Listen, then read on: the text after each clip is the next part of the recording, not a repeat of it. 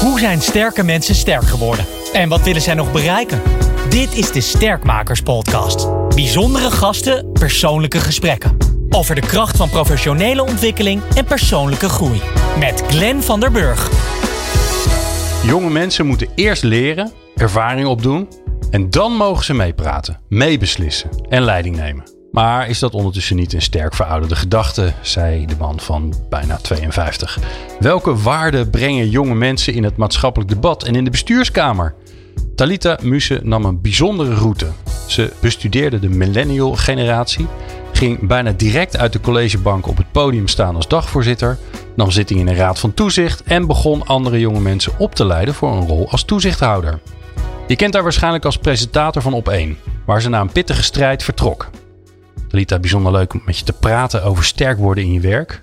Ja, heel Maar we leuk. hebben heel veel te bespreken. Het maffe is dat wij kennen elkaar al. Dat is wel handig voor de luisteraar Ja. om te weten. Want anders denken ze De goh, wat zijn dit voor eh. Maar toen jij, we hebben het net even voor- van tevoren even zitten rekenen. Toen je 19 was, toen ging je stage lopen bij de organisatie waar ik ook eh, toen werkte. En eh, zijn, Ja. we zijn we ook gaan samenwerken. Ik was juist stagiair ook even op projecten. Ja, ja, ja. ook al was daar weinig van te merken. Want oh, toen al was al duidelijk dat je veel in je mars had. Maar nou, daar komen we vanzelf op. Ik neem je eerst even helemaal terug naar eind jaren 90. Toen was je acht. Wat deed je het liefst Zo. als achtjarig meisje? Ik hield van tennissen. Dus ik zat op tennis en ik zat op pianoles.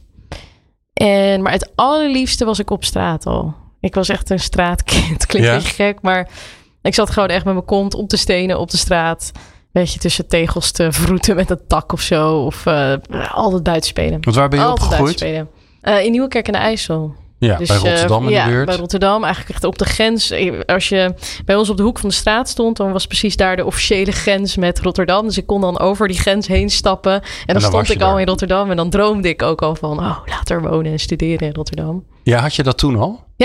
Ja, ik ging altijd met mijn moeder, ging ik altijd ieder weekend gingen we de stad in. En dan eh, heel de zaterdag, zondag gingen we winkelen en eh, patatjes halen en ijsjes kopen. En eh, ik ben echt een beetje, zeg maar, in, in, wel echt in het Rotterdamse groot, ja, grootgebracht. Wat was ja. die aantrekkingskracht van die stad dan? Sowieso de diversiteit. Dus echt- Rotterdam is de meest diverse stad van Nederland als het gaat over hè, alle verschillende culturen die er wonen. Het eten, de religies, de, maar ook gewoon de, de kleding. Weet je, als je, alles loopt op straat voorbij en dat is zo kleurrijk. En ik heb altijd het gevoel als ik daar ben van je kan het zo gek niet bedenken. Dat zeggen mensen natuurlijk ook heel vaak van Amsterdam. Maar toch vind ik het daar iets meer op elkaar lijken. Dat mensen iets ook gesegregeerder van elkaar. Dus in de ene wijk wonen de juppen, in de andere wijk wonen de arbeiders. En in Rotterdam is dat gewoon één mengelmoes die gewoon helemaal met elkaar botst en schuurt. En maar Mhm. er is ook echt contact tussen de groepen. En dat, ja, ik weet niet. Als kind vond ik, voelde ik al ergens van die diversiteit of zo. Dat, dat, dat is een warm bad voor mij. Ja, Ja. Ja, en Nieuwekerk aan de IJssel is een, een, een is dorp, al gewoon een dorp. een, een hè? dorp. Ja. Ja, maar ik kom zelf uit een, een, een gezin met ook twee culturen. Dus ik denk dat die soort van herkenning, dat die stad ook zo is. En ik kom zelf uit een Peruaans-Nederlands gezin. En ook nog een gezin met grote leeftijdsverschillen. En nou, eh, echt een familie die ook alle kanten op is gevlogen qua werk, qua de landen waar ze wonen. Dat, ja, die diversiteit in mijn omgeving, dat is ook de diversiteit die ik in mezelf voel. Dus dat is dan op een of andere manier een soort de chaos van de stad. De maar- chaos in mezelf, dat is harmonie.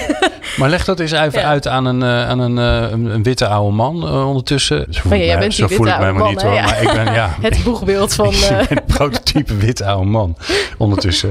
Maar, maar hoe, wer- hoe werkt dat? Wat doet dat met je om in een eh, eh, bicultureel gezin op te, op te groeien? eh, nou, vlakbij zo'n stad waarbij dat Mhm. heel erg evident is als je daar rondloopt. Ja, wat het doet is dat het... Je, je krijgt daardoor, als ik, probeer goed te verwoorden, maar je krijgt daar eigenlijk op jonge leeftijd krijg je mee dat er verschillende manieren van leven mogelijk zijn.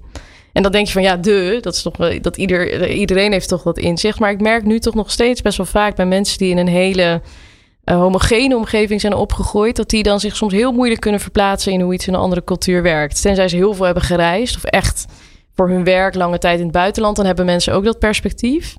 Maar anders, als mensen toch ook best wel een homogene vriendengroep hebben, mensen die allemaal een beetje dezelfde manier van denken, dezelfde levenservaringen hebben, ja, dan, dan, dan kan je je moeilijk voorstellen dat je soms zo fundamenteel anders. En als je opgroeit in een bicultureel gezin, dan heb je letterlijk een vader en moeder die over de meest simpele dingen een soort fundamentele strijd kunnen voeren vanuit een andere culturele Hm. opvatting. Geef eens een voorbeeld. Nou, bijvoorbeeld ehm, eh, ja, in, in Zuid-Amerikaanse gezinnen is het best wel normaal dat er traditionele man-vrouw rollen zijn. En dat, dus mijn moeder, die was altijd gewoon bezig met... Wij wachten echt als kinderen aan tafel, aan de eettafel... tot mijn vader thuis kwam van werk. En ook al was dat 9, 10 uur s avonds. Ja, en dan moet je je voorstellen, dan waren wij 6, 7 jaar oud. Dan moest je gewoon op tijd slapen om de volgende dag naar school te gaan. Maar als mijn vader pas om 9 uur of om 10 uur terugkwam van een consultieklus... want dat deed hij in die tijd... zaten wij gewoon met ons bord uh, te, wachten. te, wachten. tot hij plaatsnam aan het hoofd van de tafel. En als hij ging eten, dan gingen wij pas eten. Wow. Maar dan zou je zeggen, oh, dat is bijna jaren 40 uh, Nederland of zo. Maar dan dit vanuit soort van die. Maar dit dan dus niet vanuit dat die man het opdringt, maar vanuit de vrouw die dat. vanuit die warmte van dit moeten wij als kinderen en vrouw. De man heeft hard gewerkt, dus dan zitten wij als gezin op hem te wachten. Nou, dat zijn van die dingetjes dat ik dan. Ik merk dat ik die nog steeds in mij draag. Maar dat andere mensen dan je echt, ja, maar dat is niet normaal. Dat is niet goed voor kinderen. Die moeten een vast ritme hebben qua slapen. Nou, allemaal dat soort dingetjes. Denk ja, vast ritme van slapen. Maar wat, wat zit nooit er dan, meegekregen. Wat zit er dan? Oké, dus, dus dat, zit, dat zit bijvoorbeeld in jou. Dus die, ja. dat ritme van de dag, uh, wat natuurlijk in Nederland er heel erg in zit. Zo enorm. Extreme, hè? Ik bedoel, als je om half zeven gaat eten, vinden we het al laat. Dus laat staan acht uur of negen uur. Dat is echt raar. Ja, dat doen we op vakantie. Omdat mm er dan in Spanje gewoon... Anders gaan de restaurants gewoon niet open. Anders is het er niet. Ja, ja dat is ook leuk als je de eerste keer in Spanje bent. En je gaat lekker uit eten. En dan denk je, alles is nog dicht. Hoe, wat is hier aan de hand? Is het vakantie of zo?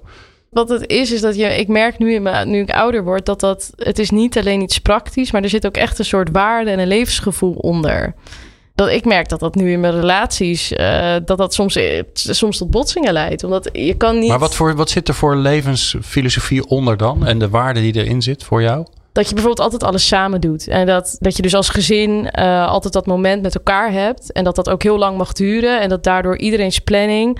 Je individuele planning is altijd ondergeschikt aan het collectief. Ah. Terwijl in Nederland is altijd heel erg van... oké, maar ik heb morgen mijn sport... of ik heb morgen mijn... Uh, weet ik van, moet ik op tijd op college zijn... of ik heb morgen mijn werk. Dus ik ga nu slapen, doe je licht uit. Ja, dat bestaat bij ons gezien niet. Het is, iedereen is de hele tijd op elkaar aan het letten... en aan elkaar aan het aanpassen in zo'n cultureel gezin. En dan... Ja, dat heeft ook nadelen. Want je, ik, ik, ja, je, je gaat dan soms over je eigen grenzen. Ik heb zo vaak knikkenbollend bij familie-gatherings gezeten, van, vooral van de Peruaanse familie. En dan worden de kinderen worden gewoon gedwongen tot één, twee uur s'nachts daar knikkenbollend bij te zitten. Ja. En als je slaap valt, is ook niet erg. Dan is het ook niet erg. Als je maar, bent. Ja, maar het is een soort één grote collectieve belevenis dan. En ja, het is lastig uit te leggen, maar het is gewoon... Ik kan dan soms bijvoorbeeld met vrienden of in relaties of met werkdingen... kan ik soms mensen heel individueel vinden. Dan zijn we met een project bezig en dan zeggen ze gewoon van... Uh, ja, maar ik heb nu afgesproken met een vriend of vriendin zo laat in de stad, dus ik stop nu. En dan denk ik echt, ja, maar we, zijn toch gezamenlijk dit aan het afmaken. Uh, dat, dat zal die vriend en vriendin vast ook wel begrijpen. Ik begrijp dat dan gewoon helemaal niet. Dan denk ik echt maar, hè, we zitten in een gezamenlijk proces. We moeten ook samen door. Zou je dan nu heel erg veel tegenaan lopen. Want als er iets gebeurd is in de afgelopen, nou zeggen 20 jaar, ik weet niet precies hoe lang, maar dan zijn we ongelooflijk individualistisch geworden. Ja. Toch? Iedereen doet, erg, heeft zijn eigen ding en moet, moet vooral anders zijn dan anderen. Ja. En dan heb jij dit meegekregen van je moeder, ja. vanuit je gezin. Ja, en het is ook dat het bij in mezelf conflicteert. Want ik heb ook tegelijkertijd, ook wel degelijk ben ik een kind van mijn tijd en van deze samenleving en de Nederlandse kant van mijn vader. Van gewoon voor jezelf en je eigen doelen en je eigen planning. En mijn vader was altijd wel iets meer van, nou toch wel probeer een beetje een ritme. Dus ik heb altijd een soort conflicterende dingen in mezelf. Dat ik aan de ene kant mijn moeders kant, aan de andere kant mijn vaders kant. En daardoor is altijd die vraag, maar, maar waar zit ik zelf? En eh, dus het voordeel ervan is dat je daardoor kan schakelen met mensen die ook heel anders. Dan denk je, oh ja, ik kan begrijpen dat jij uit een heel andere omgeving komt. Dus dat jij dit gewoon heel anders doet. Dus daar kan ik dan altijd heel begripvol of empathisch voor zijn. Het nadeel van deze eigenschap is dat je zelf heel lang blijft twijfelen van, maar wat, is nou, wat is nou voor mij? Ik heb al die invloeden, maar hoe wil ik het eigenlijk zelf? Want ik heb altijd die stem van mijn moeder, altijd die stem van mijn vader. ja. Ja. Um, Misschien heeft ieder mens dat op een bepaalde manier ook alweer hoor. Dat, uh... Maar is het bij bicultureel iets meer... Wordt het iets duidelijker ook in al die praktische verschillen en al maar ik kan maar zeker ook hè, in de, in de uh, nou ja, jij bent, jij bent heel erg ook bezig geweest met generaties. Jouw generatie is juist de generatie die juist heel erg voor zichzelf ook heeft leren kiezen. Die ook opgevoed is met uh, je moet kiezen wat je wil. Je moet doen wat, je, leuk vindt, en waar je, waar je blij van wordt. Ook maar, en ook wat bijdraagt aan de wereld, hè? zeker ook. Uh, maar allemaal best wel gericht op, op het ik. Ja. Eh, en ook het hele grotere geheel. Maar die, die, dat, dat familieverband of gezinsverband... en zelfs volgens mij die vriendenverbanden... Die zijn allemaal best wel fluide. ja. Ja, en dan is het wel soms verwarrend als kind. Want ik kreeg dus mee aan de ene kant... doe wat je leuk vindt, doe waar je hart naar uitgaat. En tegelijkertijd... Doe wat ons trots maakt. Doe wat, weet je, de lijn van je familie. eh, de, de- Maar was dat echt zo, die, de, de splitsing van je vader... die, die was meer van de... Ja. eh, Ik eh, ging echt voor me, naar mijn vader voor bepaalde dingen. Dat ik dan voelde van, oh ja, weet je, mijn vader is wel degene die me iets meer gaat stimuleren in. Nou, maak gewoon je eigen afweging, maak je eigen keuze. En mijn moeder zit dan veel meer op je trots en wat we, joh, kijk het leven van je oma en hoe ik hier naar Nederland ben gekomen. En dan eh, die, heel die verwachtingen die op mij dan werden geprojecteerd als vrouw. En helemaal vanuit eh, onze waarden als gezin en waar we als familie voor staan. Dus heel erg met die, met meer die Maar, collectieve maar druk. vertel eens, wat is, die, wa- wa- wat is dan het, het, het narratief, het verhaal wat je van je moeder meekreeg, ook over je oma en over, nou ja, eh, van Peru hier naartoe Ja. en met met Ja. wat voor verwachting eigenlijk ze deze kant op zijn gekomen? Ja, ik denk dat het heel erg zit op dat mijn oma die had niet een heel erg gelukkig huwelijk. Dus die heeft ook daardoor bepaalde kansen gewoon niet helemaal in de leven ontwikkeld. Dus eh, dan echt qua eh, carrièrekansen of qua opleidingskansen, eh, maar ook ja, het was gewoon niet een heel gelukkig gezin of een heel gelukkige familie. Dus ik denk dat aan, bij een beetje aan de kant van mijn moeder dan heel erg dat gevoel zit van... Nou, en ik ben vervolgens naar Nederland gekomen, maar daar heeft ze echt wel heel veel kansen gegrepen. Maar ze is ook heel jong naar Nederland gekomen en daardoor heel veel tijd in ons als gezin gestoken. Maar ook zich minder ontwikkeld op het carrièrevlak. Dus daar zit wel echt een soort gevoel van... Oh, weet je, Talita is nu een soort van de generatie die... Een jonge vrouw die zeg maar dat zelf meer kan ontwikkelen en daar meer...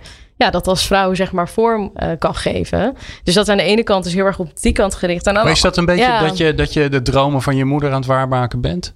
En dan overdrijven. Ja, soms voelt dat wel zo. Ja, soms Oké. voelt dat heel erg zo. Zij kan ook echt op die manier meeleven. En de allereerste keer dat ik eh, televisie deed, zat ik ook echt, toen moest ik denken aan Kanye West, die ook op het podium stond. Die voor de eerste keer een, weet ik veel, eh MTV Award won of zo. Van, eh, dat hij echt zo zei van, eh, het is voor mijn moeder. Ah, Mama, weet je wel. eh, ja.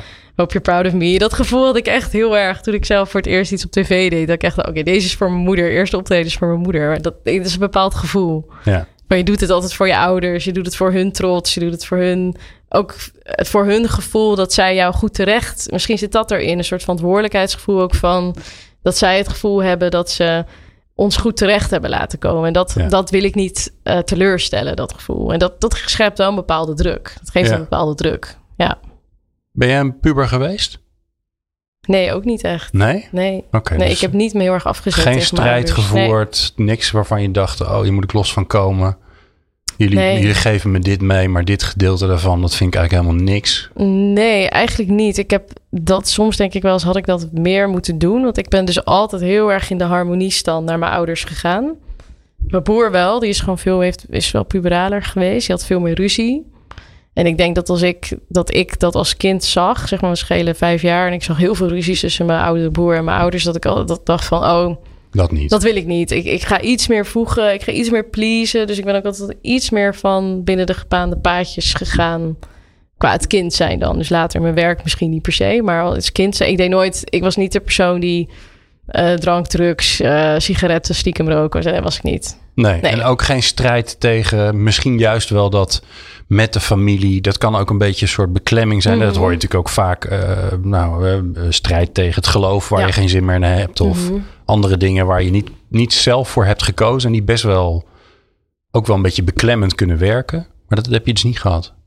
Nee, eigenlijk, ik heb het nooit zo als, als beklemmend ervaren. Kijk, ik heb natuurlijk wel dingetjes waarin je wat vrijer wil zijn dan dat je ouders je meegeven. Of dat je denkt van oké, dit, dit zou ik zelf anders doen. Maar het is eigenlijk pas in de latere jaren, soms denk ik wel eens mijn puberteit is pas in mijn twintiger jaren gekomen. Dat ik wat iets meer met afstand naar mijn ouders ging kijken van oh, sommige keuzes of sommige dingen die, eh daar denk ik nu anders over. Hm. Maar ik heb nooit heel erg die beklemming gevoeld. Nee. Nou, Nee. prettig toch? Ja, Ja, dat is ook weer heel fijn. abnormale puber. Ja, je moet puberen. Nee, dat hoeft helemaal niet. Ik kwam een beetje naar het nu eigenlijk. Want er is zoveel Ja. te, te vertellen dat ik denk, eh, dit, eh, dit, is, dit wel, geeft al een mooi beeld. Mhm. Je hebt gestudeerd in, in Rotterdam. Eigenlijk heb jij, en dat zei ik in het begin al, niet een heel normaal traject ge- gevolgd. Klopt. Traditioneel gezien zou je kunnen zeggen, je hebt gewoon een hele stap overgeslagen. Dus, dus normaal heb je een soort van carrière ladder. Hè? Ja. Dan moet je dan omhoog en dan En tijdens je ladder kom je steeds meer in de buurt van mensen die het voor het zeggen hebben. Nou, dat ging bij jou eigenlijk van de een op de andere dag zo'n beetje. Klopt. Hoe heb je dat voor elkaar gekregen? Hoe kan dat? Ja, ik denk dat ik wel altijd als kind ook wel ehm, nieuwsgierig was naar wie heeft het voor het zeggen hier. Dus dat had ik op school al. Dus ik was altijd heel erg geneigd om met de leraren of met de schooldirectie. Ja, dat vond ik gewoon wel interessant. Dus ik ging ook altijd over leer, leerlingenraad of meepraatclubjes en zo. Dus ik wilde altijd weten van het grotere plaatje van hoe draait deze toko hier. Ik kan niet zo goed uitleggen waar dat er komt. Of dat nou door mijn ouders komt of door Hm. Soort eigen interesse in wat is het grotere geheel waar ik onderdeel van uitmaak. Eh, maar ik heb dat ook, ik heb dat ook als ik in een restaurant zit. Dan, dan word ik heel nieuwsgierig van oké, wat is hier precies het verdienmodel? Of kijk hoe ze hun personeel aansturen. Oh, dit zou zo kunnen werken of zo. Ik vind het altijd leuk om te snappen wat is de grotere dynamiek waar ik ben. En dat, die nieuwsgierigheid zorgde ervoor dat ik tijdens studietijd gewoon eigenlijk overal ging aankloppen. Want ik zat in die studie, maar dat vond ik eigenlijk heel saai. Eh, dan zit je daar in de collegebanken en ik dacht echt, ja, wat is dit joh? Ik vond het allemaal best wel... Het ging me ook gemakkelijk af, moet ik zeggen. Dus dat, dat, dat, dat ja, ik was niet genoeg geprikkeld. Eh, en dan ga je bij andere studies kijken. Maar dan ga je ook op een gegeven moment bij oudere studenten ga je daar meekijken. Ik ging eh, al heel snel, eh, ja, ging ik allemaal van die cases doen, weet je wel. Die ze dan bij bedrijven organiseren voor studenten. Maar die waren voor masterstudenten. En ik zat toen net in de eerste maand van mijn bachelor. Omdat ik gewoon nieuwsgierig was van, wat, ja, wat doen die oudere studenten daar dan? Dan gaan ze allemaal zo in een pak naar van die bedrijven toe. En dat vind ik dan hilarisch. Maar wat maakt Dat het? is gewoon eh, nieuwsgierigheid. Er zitten twee dingen achter voor, voor mijn Ja. gevoel. Dus enerzijds, wat maakt. Wat, wat, nee, ik ga het niet verklaren. Want ik- nee, ik moet vragen stellen. wat maakt het nou dat je dat doet en durft? Want ik denk dat heel veel mensen die aan het luisteren zijn, die denken. Ja, ten eerste, als het al in je opkomt. Hè, dus dat is al interessant. Waar komt het vandaan? Mhm. Maar als het al in je, in je opkomt, dan zijn er 10 miljoen momenten dat je denkt: nee, nee, dat ga ik echt nog niet doen. Ik ga er niet op Want ik ben nog een guppy niet- gewoon. Ja. Ja, maar dat heb ik nooit gedacht. Ik heb dat, ik, ik, ja, dat, ik, dat, ik, dat komt gewoon niet echt in me op. Eerder nu, ik merk nu ik ouder word, word ik aarzelender. Hm. Om, ben ik meer van me, ben ik geremder geworden in dingen proberen. Maar toen ik zo jong was, toen ik 8, 17, 18, 19, nee, ik stapte echt op alles. Ik weet dat op een gegeven moment op de middelbare school kwam Wouter Bos bij ons spreken. Op die deed meer zo'n programma dat ze alle scholen afgaan als politici om te praten. En ik weet dat ik toen al op hem af ben gestapt met een of ander beidehand verhaal. En toen kwam die later, kwam die, toen ik in mijn eerste jaar ook zat van studie, kwam die op de Erasmus Universiteit, kwam die spreken. En toen zat ik dat weer, en, eh, zag ik hem weer. Toen heb ik dat even nog weer naar hem teruggekaatst, die grap. Zo van, weet je nog, dat ik op de middelbare school. En eh, toen, eh, toen heb ik altijd een soort eh, challenge gemaakt met een vriendin van mij. Want wij vonden hem toen wel knap, eh, zo eruit zien. Zo van, ja, durf je zijn nummer te vragen? Zei ik, ga, ook ga op de borrel ga ik zijn nummer scoren. Maar zo was ik. Ik had echt scheid. Ik dacht, ik ga gewoon het nummer van Wouter Bos scoren. I don't care. Maar ik was echt, was ik, 18 of zo. Maar gewoon vanuit... Ja, eh, ik, ik weet niet wat het was. Gewoon een soort speelsheid met het leven. Een soort van eh, wie niet waagt, wie niet wint. Ik weet niet waar dat vandaan komt, Glenn. Dat, is, dat heeft heel sterk altijd in mij gezeten. Van eh, nee, heb je, ja, kan je krijgen. Het ligt allemaal nog open. Ja. Maar wat ik me kan Proberen maar. Ik heb jou Ja. natuurlijk op je. hè, ik, ik, kan, ik kan even terug naar. wat is het? eh 13 jaar geleden, Ja. denk ik. Ja, Ja. ik was 19 volgens mij. Ik werkte toen bij MVO Nederland en wij, wij, wij deden een, een interessant eh, programma met eh, Philips en ehm, Schiphol. Oh ja. Ik En, eh, en ik, had jou, ik had jou gevraagd van, goh, wil je mee? Want er moet ook iemand even de boel vastleggen. Echt zo'n Mhm, studentenklusje, weet je wel. Notuleren. doen we? Ja, hè? dus kom jij daar gewoon. En ik, mijn beeld was toen. Nou, nou dan ga je braaf in een hoekje zitten en dan schrijf je alles netjes op. Ja. En dan eh, typ je het uit. En dat, dat, dat is een Handig, beetje. hè, ja, dat, handig, is, ja. dat is notuleren. Ja, ja. Maar dat deed, nou, je deed het wel. Hè? Dus je zorgde wel dat er een verslag kwam. Dus dat kwam goed. Maar je ging toen ook al met al die. En er waren alleen maar directeuren en nou, allemaal mensen van ik dacht. eh, hij was een van, mijn, van de eerste trajecten die ik begeleidde als een soort facilitator. En ik hobbelde een beetje mee zelfs nog maar. Dat ik dacht van, oh wauw, zo, dit zijn wel, eh, zijn wel slimme mensen, hè, weet je ja. wel. En jij ging gewoon, eh, je had een mening en je had allemaal vragen aan ze. En eh, tijdens de borrel en zo. Dat, ik, ik zat er echt zo naar te kijken. En ik weet dat ik toen nog zo'n zo'n soort traditioneel, eh, traditionele gedachtenflart had van, wat vind ik hier eigenlijk van? Kan dit eigenlijk wel, weet je wel? Kent ze haar plek wel?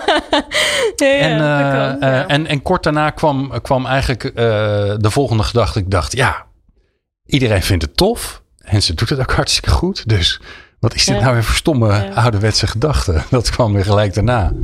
Maar dat, ja, dat op een of andere manier, los van dat je het durft, wordt het ook geaccepteerd. En denk Mhm. je daar dan over na? Dat je denkt van ja, oké, ik durf het misschien wel. Maar ik- ja, je kan ook natuurlijk gewoon een keer de deksel op je neus krijgen. Of dat mensen zeggen, ja, eh, ga eens even terug in je hok. Voor mijn is gevoel... ook wel ge- gebeurd ja? af en toe, maar meestal, kijk, de reactie, dat, misschien is dat wel zo dat inderdaad, als je dat doet, is bijna 9 van de 10 keer vinden mensen leuk als ze benaderd worden of als je op ze afstapt of gewoon een vraag stelt. Omdat de intentie is ook goed. Het is oprechte nieuwsgierigheid. Het is niet alsof Ja. je daar loopt van, oh, eh, Kijk mij. kijk mij of eh, ik wil iets per se van je. Het is gewoon eh, nieuwsgierigheid. En mensen reageren daar eigenlijk altijd. Dus dat is ook een soort aanmoediging. Want dan denk je, oh, dit is zo'n leuk gesprek. Er komt Ja. er zoveel uit. Het wordt ook de hele tijd beloond of zo om dat te doen. Wat vinden de, Maar, wat ja. vinden de buitenstaanders ervan? Hoe kijken die naar jou? Want ik kan me heel goed voorstellen dat in dat één op één contact, hè, de, de, Ja, het, Dat, de beide handen, beide intelligente, eh, toen nog meisje, die dat doet. Ja. dat, dat, eh, en nu een jonge vrouw, je bent nog 32, nog steeds jong.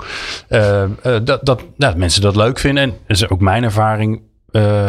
ja, zeker mensen in de top, die vinden het eigenlijk gewoon super leuk om een leuk gesprek te hebben. Want ja, wie, wie, wie doet dat nog met ze? Iedereen zit daar, daar zit een soort van gekke laag tussen.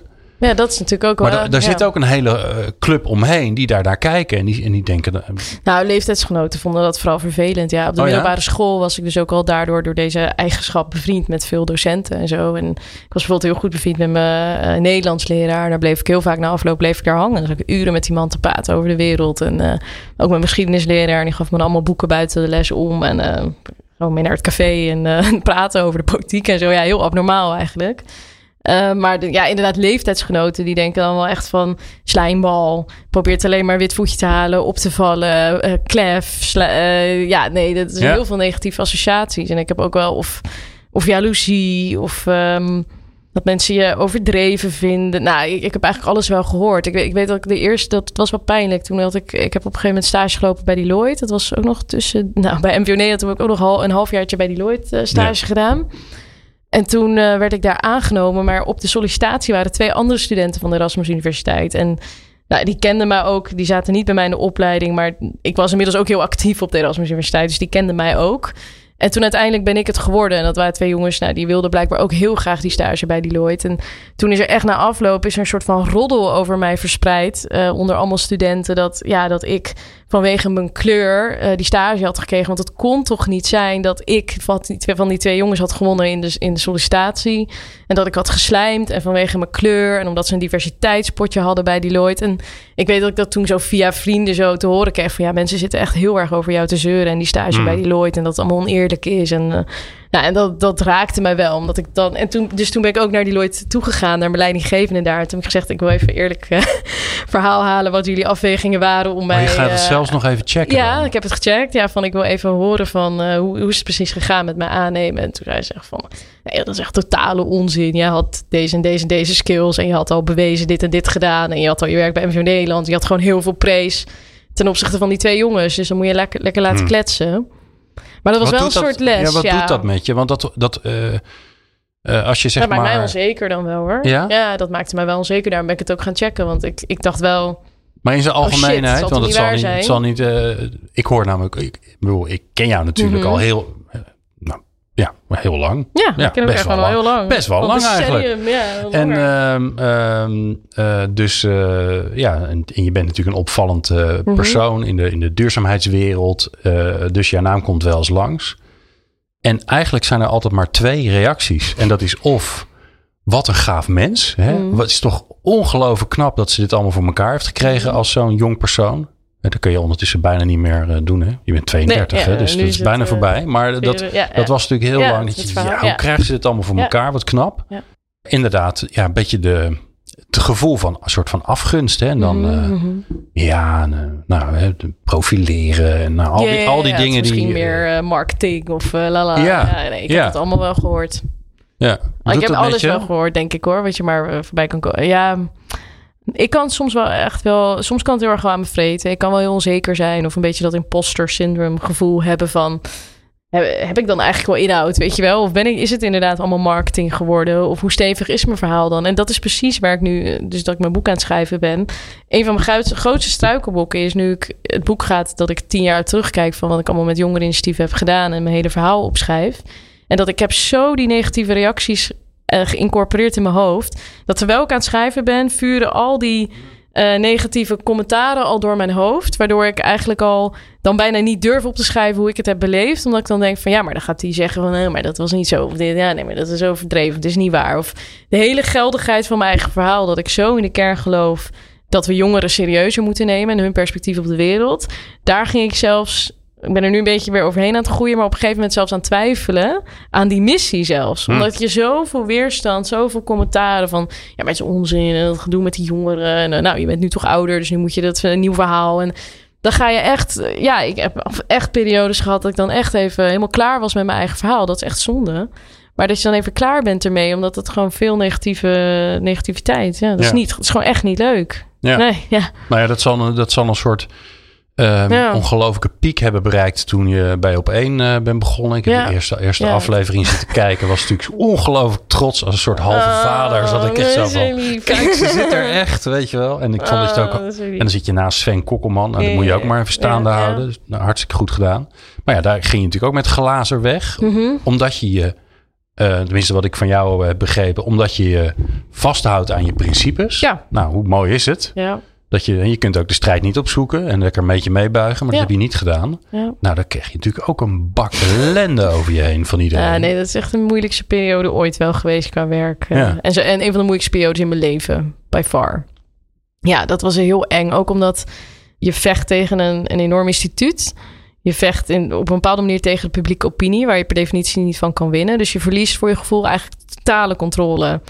Uh, ja, er, was, er zijn een paar enge momenten geweest dat, dat, ja, dat zij beginnen te communiceren. Of dat bepaalde mensen waar je gewoon mee hebt gewerkt, bepaalde verhalen de, de, de wereld in gaan slingeren. Of dat hier en daar zo een beetje planten of lekken. En dan denk je echt, oh, wat overkomt mij? Dit, dit je, je hebt voor je gevoel wordt gewoon word je helemaal niet begrepen, maar ook opzettelijk niet begrepen. En, en gewoon er, er, wordt een label op je geplakt en, en het voelt heel raar om mee te maken dat je zo uh, gereduceerd wordt. Dat je denkt van, oh, weet je, dit... dit...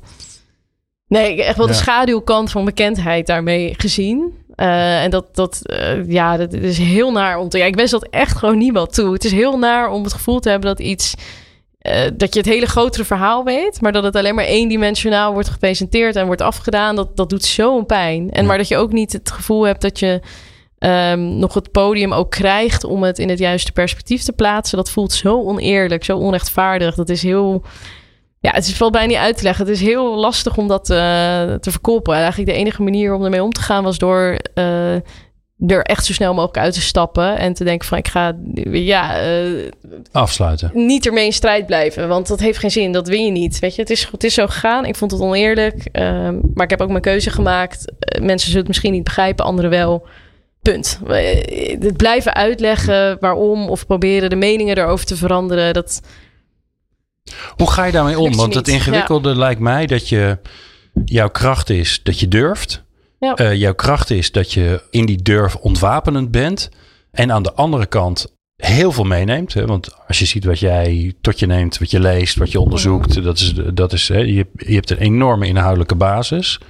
Maar vooral dat, dat durven doen, ja, dat word je dan elke keer als, als, er, nou, als er weer iemand uh, iets van je vindt. Want dat mm Ooit zei iemand eens een keer, ja, als je gaat staan, dan word je een projecties, projectiescherm. En dan gaan mensen van alles wat op je projecteren. Echt, gaat, ja, ja. Nou, dat is natuurlijk extreem gebeurd in, dat, die laatste fase bij, uh, bij op één. Hoe kom je dan weer terug bij dat beide handen speelse, misschien ook een beetje naïeve mm. van, nou, ik zie het wel, ik doe het gewoon ik zie wel wat er gaat gebeuren. Het gevaar is natuurlijk dat je dat kwijtraakt. Ja, nee, maar dat is echt letterlijk. Dit is letterlijk waar ik de afgelopen twee jaar sinds dat is gebeurd in heb gezeten. Dat ik echt even zo cynisch en voor mijn gevoel zo hard op mijn vingers ben getikt voor het proberen. Voor daar gaan zitten en het gewoon proberen en iets proberen te doen, iets goeds te doen. En vervolgens zeggen: Ik pas ervoor hoe het hier gaat. Dat wat ik eigenlijk best wel gezond vind als je merkt het werkt hier niet, dus ik ga gewoon iets anders doen. Oké.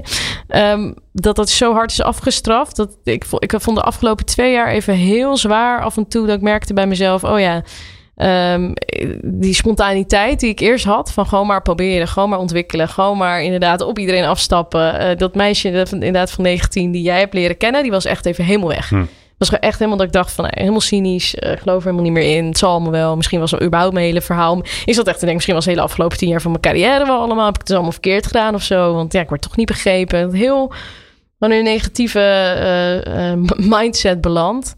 Ja, ik, wat, wat heeft me daar weer de laatste uitgetrokken? Ik denk um, heel veel erover praten. Um, omringen met mensen die mij nou ja, mensen zoals jij. Mensen die mij kennen uit die tijd. Mensen die jou zien voor meer dan dat beeld.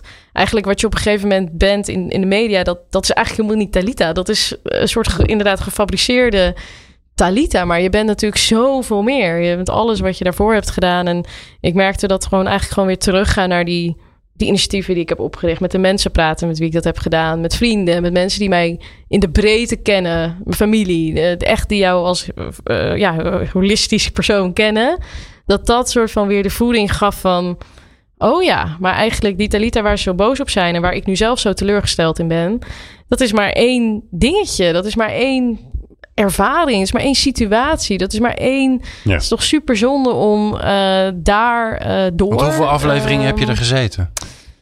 Van Ongeveer. januari tot en met uh, april. Dus dat is ja, wat is dat? Vier maanden of zo? Ja. Vier maanden. Vier maanden Eén keer per week, denk ik. Eén keer per week, ja. Ja. ja. Dus, dus het, 15 dus keer of zo. 15 keer, ja. ja. ja. Bizar, hè? Dat dat dan ineens zo'n ja. invloed heeft, heeft op je.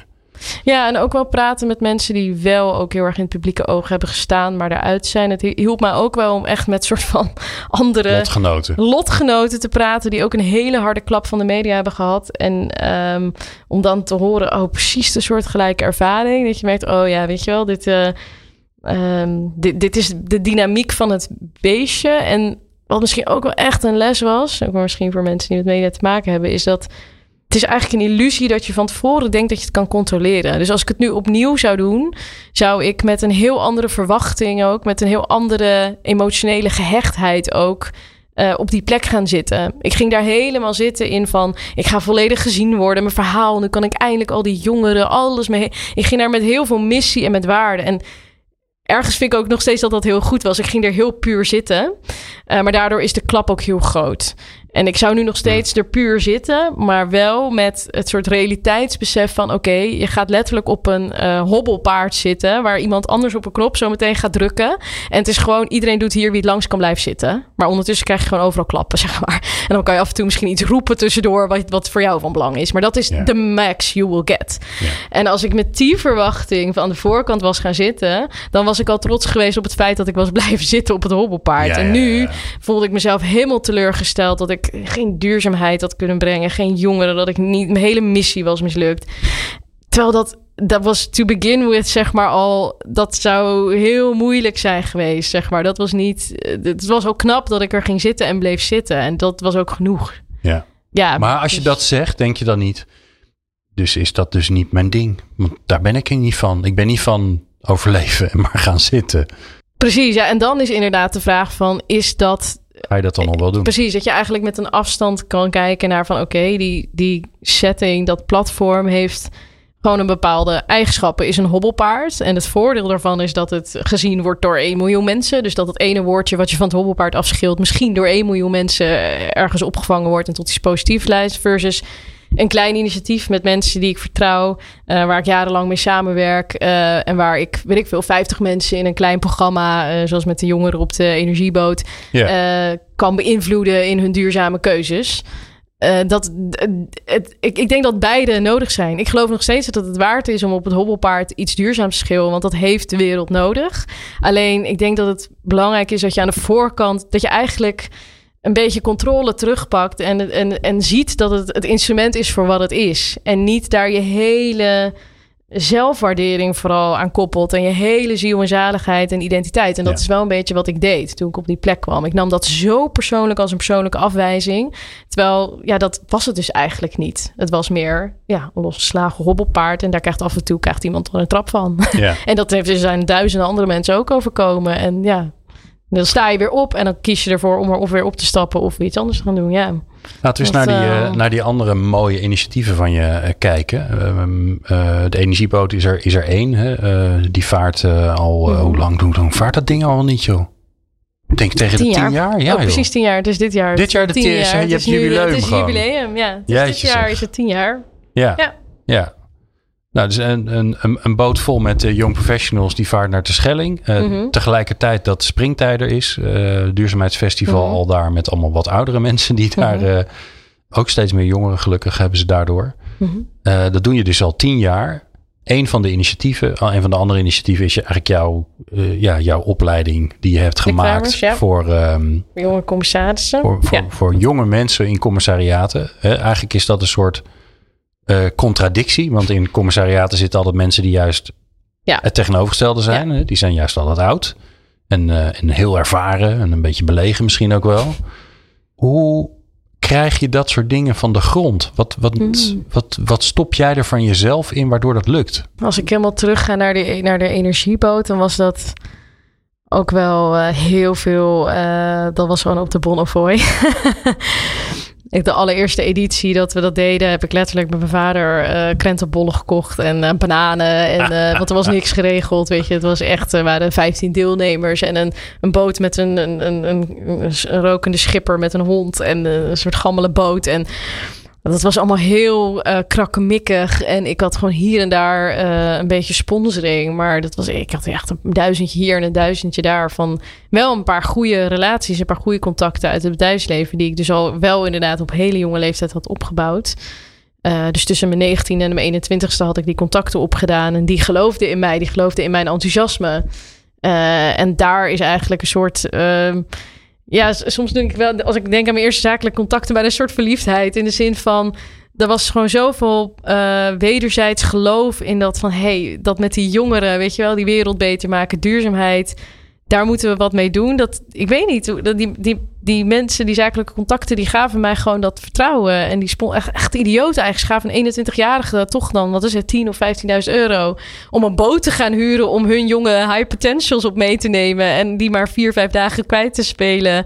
eh, zodat ik ze kon gaan trainen. Terwijl ik ben 21, ik heb geen dag gewerkt. Zeg maar, ik weet niet, ja, hoe ga jij ze dan trainen? Maar dat was puur op dat ik die filosofie had van als je de jongeren uit die bedrijven haalt en in de natuur zet. eh, eh, en echte gesprekken met elkaar laat voeren als jonge mensen van wie zijn wij als we Hm. gewoon echt voelen als kinderen van onze tijd. Wat willen wij dan echt in ons hart bijdragen aan deze wereld? Dat is intuïtie. Ik, waar dat vandaan komt, dat idee. Maar dus de kern is nog steeds hetzelfde. De kern is nog steeds bedoel, het is misschien beter Nee, het is georganiseerd. strakker het programma is misschien wat georganiseerd. beter. Geen krentenbollen, maar het is verder, is het precies de, het hart van dat initiatief. Dat ben ik wel heel trots op. Ja, dat is, ondanks dat ik nu zelf eigenlijk bijna qua organisatie, ik zit er helemaal niet meer in. Het is overgenomen door een professioneel team, door een bedrijf. Het, is, Ja, prima, het gaat toch? enorme sponsoring in. Het is het, het op zichzelf draaiend iets. Er werken vast eh, drie, vier mensen aan eh, jaarlijks die daar de hele jaar mee bezig zijn met organiseren. Dus het is eigenlijk gewoon een, een, een, een bedrijfje geworden, zou je kunnen zeggen. Maar het hart daarvan is, ehm, daar zijn we altijd heel, als team heel erg, hebben we bijna een soort van, ehm, ja, ongeschreven eh, filosofie die we met elkaar heel erg bewaken. Van, nou, dat is het hart van dat initiatief. Dat is die, dat vrijheidsgevoel en dat, dat oprechte gevoel dat als we met elkaar, ja, van hart tot hart met elkaar gaan praten in dat programma, dan dan komen we echt tot de kern van wat we willen bijdragen aan deze wereld. En dat, Ja. dat wordt door de andere mensen, op de een of andere reden dat kunnen overdragen. Dat dat nu ook door die, de mensen die het nu uitvoeren zo wordt gevoeld. Ja. Ja. Ja, en zo ontstaan er steeds nieuwe dingen. ja. Toch? Dat is wat je doet. En daarmee is het ieder jaar, al die deelnemers die in dat programma zitten, die maken eh, van, van nieuwe relatiekeuzes tot eh carrière switches tot aan grote nieuwe initiatieven, kleine nieuwe initiatieven. Sommige komen er vanaf en die gaan een kinderboek schrijven over eh, duurzaamheid. Anderen komen er vanaf en die nemen voor een hele huis te gaan verduurzamen. Maar de ander gaat weet ik veel, die, die, die appt een jaar later van... oh, we hebben een supergrote coalitie met Ja. vijf, zes bedrijven... om, eh, weet ik veel, ons wagenpark te verduurzamen. En dat is daar eh, in dat gesprek op je, in jouw programma ontstaan. En dat is wel heel gaaf, dat je een soort ehm, broedplaats mag zijn... Voor, eh, voor, voor, ja, voor de initiatieven van anderen. Ja. Ja. Maar wat ik wel bijzonder vind, is dat het lukt je om te starten. Mhm. Op op hoe het dan ook maar moet. Mhm. Al is het maar om zelf krentenbollen en bananen te kopen. Ja. Maar het lukt je blijkbaar ook om het stabiel te krijgen. Zodat het Ja. doorgaat. ja. Nou, het belangrijkste daarin was wel mezelf eruit halen. Nou ja, dat moet je ook Ja, maar dat moet je ook weer doorhebben. Ja, dat is waar. De belangrijkste les daarin was eigenlijk zien waardoor ik wat ik zelf mis om het stabiel te krijgen. Ja. Dus eigenlijk toen ik het zelf trok de eerste twee, drie jaar, was de, zeg maar de maximale groei was, was, werd beperkt door mijn eigen groei die ik als persoon op dat moment had. Ja. Dat reflecteert zich in het initiatief. Terwijl toen ik er mensen bij ging halen en die volledig vertrouwden, maar ook medezeggen, daarom geloof ik wel heel erg in medezeggenschap, dus ook aan jongeren. Ik geloof heel erg in het delen van invloed, weet je, dat je niet, nee, dit is mijn initiatief, dus ik blijf als een koning erop en ik blijf dit uitbouwen. Maar dan neemt het ook alle beperkingen van mij over. Terwijl ik heb heel vroeg in het proces wel gedacht van, ik ga het uit handen geven deels, zodat mensen het eigen kunnen maken, zodat het niet alleen van mij is, zodat als ik ook omval of als ik iets anders ga doen, dan wordt dit met dezelfde eh, passie wordt dit doorgezet. Eh, maar ook kunnen deze mensen hun eigen kwaliteiten erin schuiven en hun eigen groeiambities. En ja, dat is wel heel mooi gelukt. Dat eh, op na het derde jaar zijn de oprichters van Vissen Blikken erin gestapt, Joost en eh, Frits. En die hebben ook ehm, ja, toen twee jaar eigenlijk om niet hebben ze het project gesteund.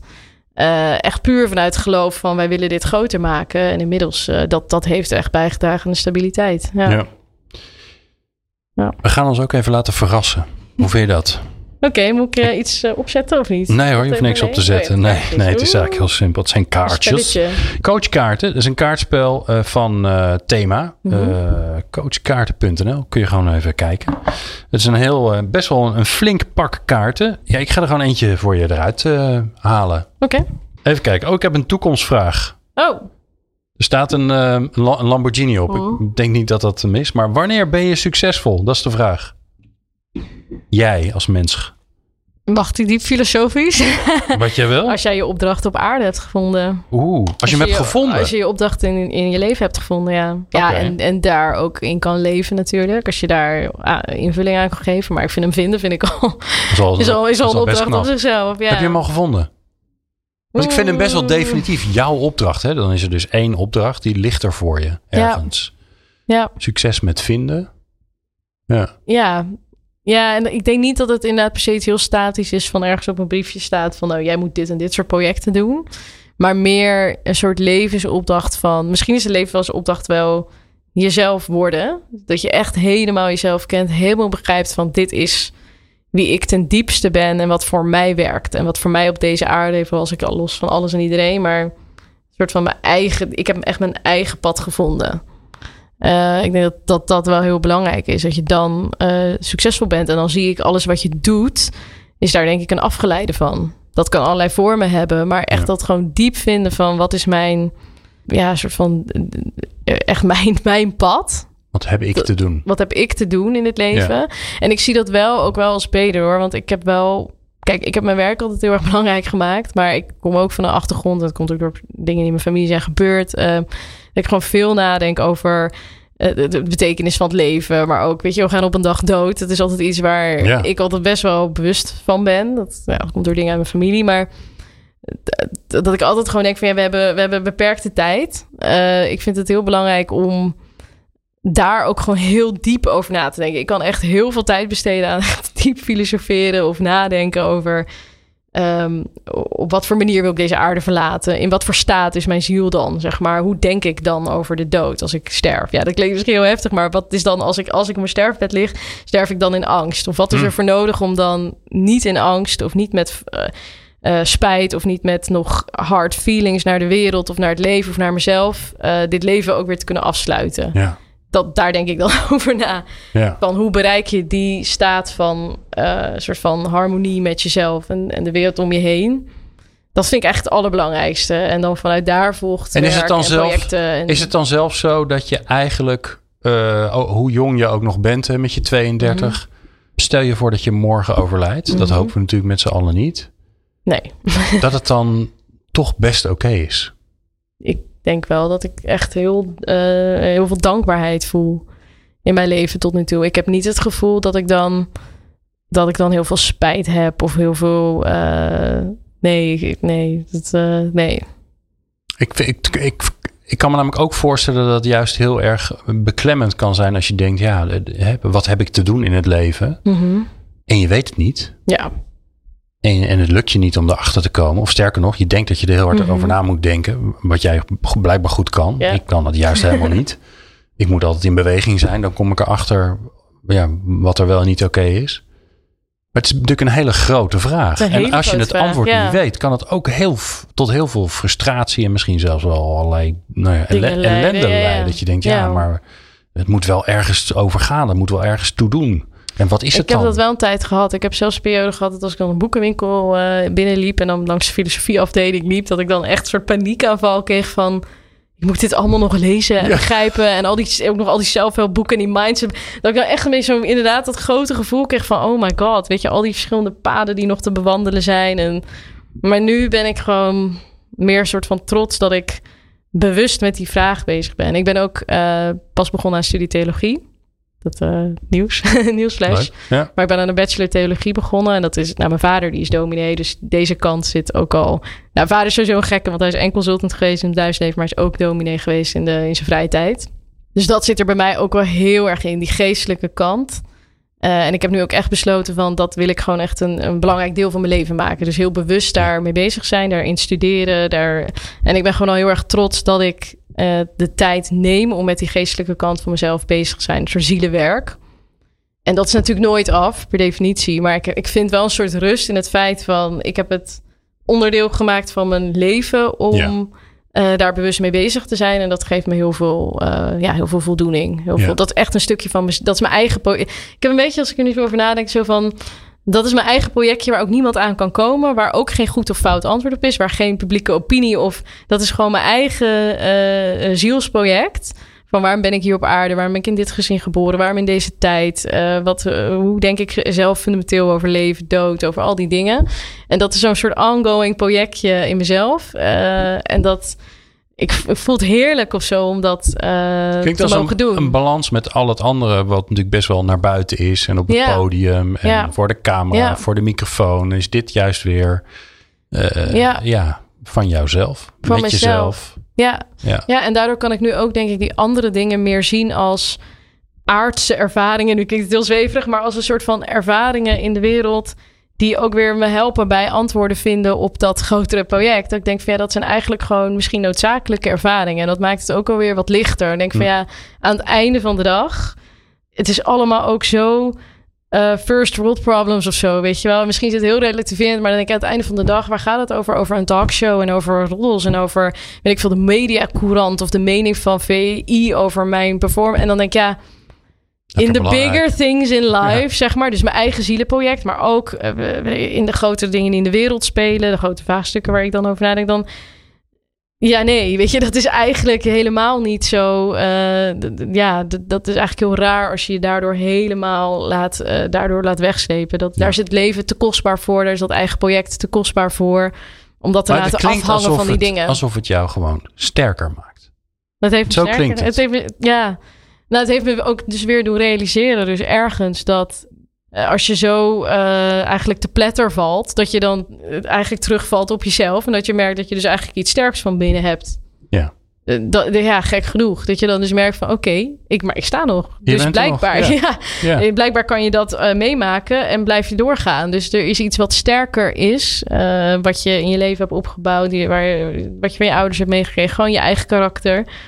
Wat, er, wat, je, wat, je, wat je altijd meeneemt of zo. En die arresten zijn allemaal ervaringen die je mag verzamelen. En die zijn ook een soort zegening eigenlijk. Zelfs de negatieve ervaringen zijn een zegening, omdat die daardoor je weer eh, doen herinneren aan, aan, aan jezelf en aan hoe sterk je bent. Dus dat, Ja. En je, Dat en je neemt de tijd enorm. om er betekenis aan te geven.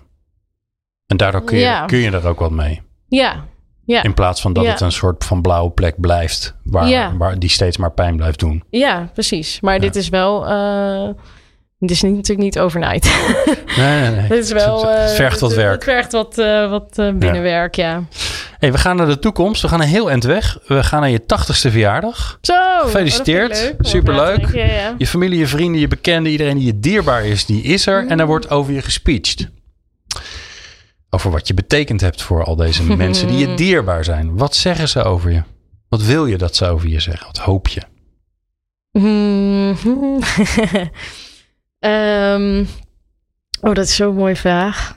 Ehm, ik hoop dat ze zeggen dat ik er altijd voor ze was. Op de momenten dat het nodig was. Dat, dat hoop ik heel erg. Dat ze wel zeggen van oké, ze was heel druk en overal in de wereld.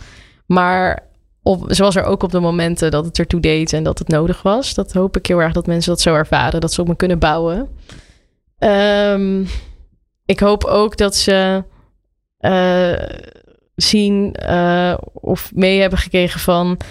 ehm Talita heeft altijd met een soort van eh, ja, eh, levensplezier of zo. En een soort. ja, inderdaad, wel als een soort jong meisje door, is altijd als een jong meisje door de wereld blijven lopen. Met een nieuwsgierigheid en een, een liefde voor kleine dingen om haar heen. Eh, en dat, dat mensen plezier heeft gegeven van, oh ja, Talita wist net op bepaalde momenten even iets te zien of iets omhoog te halen of ergens gelukkig van te worden. Eh, en dat, ehm, ja, het zat in de kleine dingen. Ja, een soort levensplezier. Ik hoop dat ze dat zien. Ja, grappig. ja. Grappig. En dat is dan weer heel klein. Ja, ik bedoel, het is heel groot uiteindelijk, Ja. maar dat klinkt dan weer heel klein. Vind je dat een contrast met... eh, Nou, met, ja, met de woorden die je net gebruikte over eh, hè, de, je, je, wat je te doen hebt in de wereld. En dat je, hè, nou, de wereld staat natuurlijk ook in de brand. Hij staat overigens Mhm, altijd in de mhm. brand, maar nu staat hij wel op een bijzondere manier in de brand. En daar wil je je bijdrage aan leveren. En dit is dan toch wel weer heel dichtbij en menselijk. Dus dat vind ik juist wel mooi, die combinatie. Hey, we gaan naar de laatste vraag. Nee, Ja, joh. jammer. Ja, joh. Holy shit, ja. Ehm, je mag een soort van, eh, van advies geven aan onze luisteraars.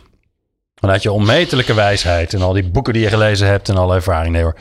Welke vraag zouden mensen, onze luisteraars, zich nou wat vaker moeten stellen als ze sterker willen worden in hun werk? Mag ik er even over nadenken? Ja, doe Welke maar. vraag mag zet ik een pauzemuziekje aan. Welke vraag moet... Een liftmuziekje. Ja. Welke vraag moeten mensen zich stellen als ze sterker willen worden in hun werk? Ja. Weet je dat ik altijd... Ik ben altijd heel slecht in adviezen uit het niets. Ik ben altijd beter in reactief. Dus als iemand mij een situatie geeft... dan kan ik Ja, heel goede adviezen geven, vind ik zo. Maar zo uit het niets vind ik het altijd, ben ik altijd zo bang dat je in tegeltjeswijsheid vervalt. Maar wat mij wel heel erg heeft geholpen is... een vriend die mij bewust heeft gemaakt van wat... En ook een coach, eigenlijk, nou, dan moet ik, Peter Blokland, is eh, iemand die we altijd meenemen. Uh, Paul Reiziger, die gaat mee dat jongerenprogramma. En dit is een reden dat ik hem al tien jaar, al tien jaar werkt hij met de jongeren. eh, neemt hij ze mee bos in de duinen in. eh, dan gaan we, eh, gaat hij ze coachen. En waar hij het altijd over heeft, is wat, wat je voedt en wat je energie kost. En ik heb dat in mijn leven, is dat ook tot nu toe mijn allergrootste struggle. is dat, dat je dat ik, en, maar dat is wel dus ook onderdeel van het levenspad bewandelen. Dat ik door jezelf steeds beter te leren kennen en echt eerlijk te zijn naar jezelf, kom je er ook steeds beter achter. Wat voedt mij nou en wat kost mij nou energie? En wat ik heel erg heb gemerkt is dat ik dacht van sommige dingen dat die mij voeden, omdat ik dat wilde. Dus ik wilde dat ze me voeden. Ik wilde, weet ik veel, dat een verjaardag mijn uh, voedt. Of ik wil van mezelf dat een bepaald project, en dat is puur verstandelijke wil, ambitie, ego. Ik wil dat dit project me energie geeft, want het geeft me uh, veel geld, het geeft me status, het geeft me contacten. Maar dat de waarheid is, het ergens stroomt de energie weg. Ben ik leeg? Voel ik dat ik uh, negativiteit heb overgenomen als ik daar wegga uit dat gebouw of wat?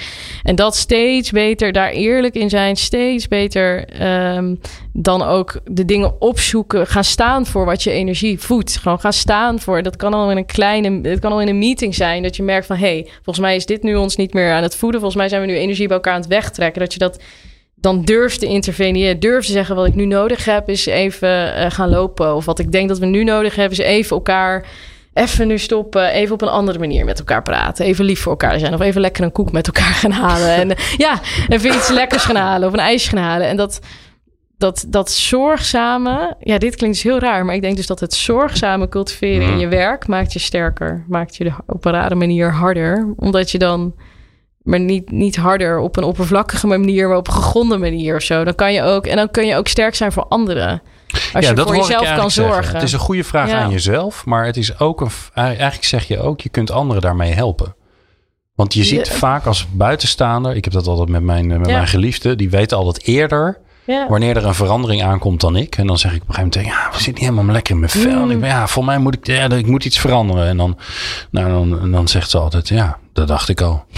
Weet je, dus die weet dat altijd al. Precies. En, je en die heeft dat dan al tien keer tegen me gezegd, maar dat komt gewoon niet binnen. Precies. Ja. ja. En je geeft ook anderen daarmee. Ik heb heel erg gemerkt dat op het moment dat ik zelf laat zien dat ik voor mezelf zorg, dat dan in één keer andere mensen ofwel daarin willen bijdragen, of dat bij zichzelf denken: Oh, wat fijn dat jij dat zegt. Ik was hier ook al helemaal moe. Of ik was ook helemaal klaar met deze sessie. Of ik voelde me ook al. je merkt gewoon dat op het moment dat je dat soort dingen gaat benoemen, dat andere mensen ook de ruimte nemen om voor zichzelf te zorgen. En daar worden we met elkaar sterker van. Dus uh, ja, toch het durven zorgzaam te zijn naar jezelf. En dat te benoemen op tijd. Ik denk dat dat uh, ja, een hele belangrijke is om, uh, om sterk te zijn. ik dank jou zeer. Ja, Talita Muse, heb je naar geluisterd? Uh, meer kan je vinden op haar website. Dan moet je gewoon de naam intikken en dan .nl waarschijnlijk. En dan kom je, kom je bij eruit. En ja, dus ik dank je wel voor het luisteren naar deze aflevering van uh, de Sterkmakers podcast. Uh, informatie bijvoorbeeld over het coachkaarten, kaartspel uh, vind je in de show notes. Naast allerlei andere leuke dingen. Een linkje naar Talita ongetwijfeld ook. Dankjewel. Bedankt voor het luisteren naar de Sterkmakers podcast. Hopelijk heb je er nieuwe energie van gekregen. Maar echt sterker word je door er iets mee te doen. Dus waar wacht je op? Aan de slag! Meer podcasts vind je op jouw favoriete podcast-app door te zoeken op de Sterkmakers Podcast. Bezoek ook onze website sn.nl/podcast voor alle informatie over de Sterkmakers Podcast.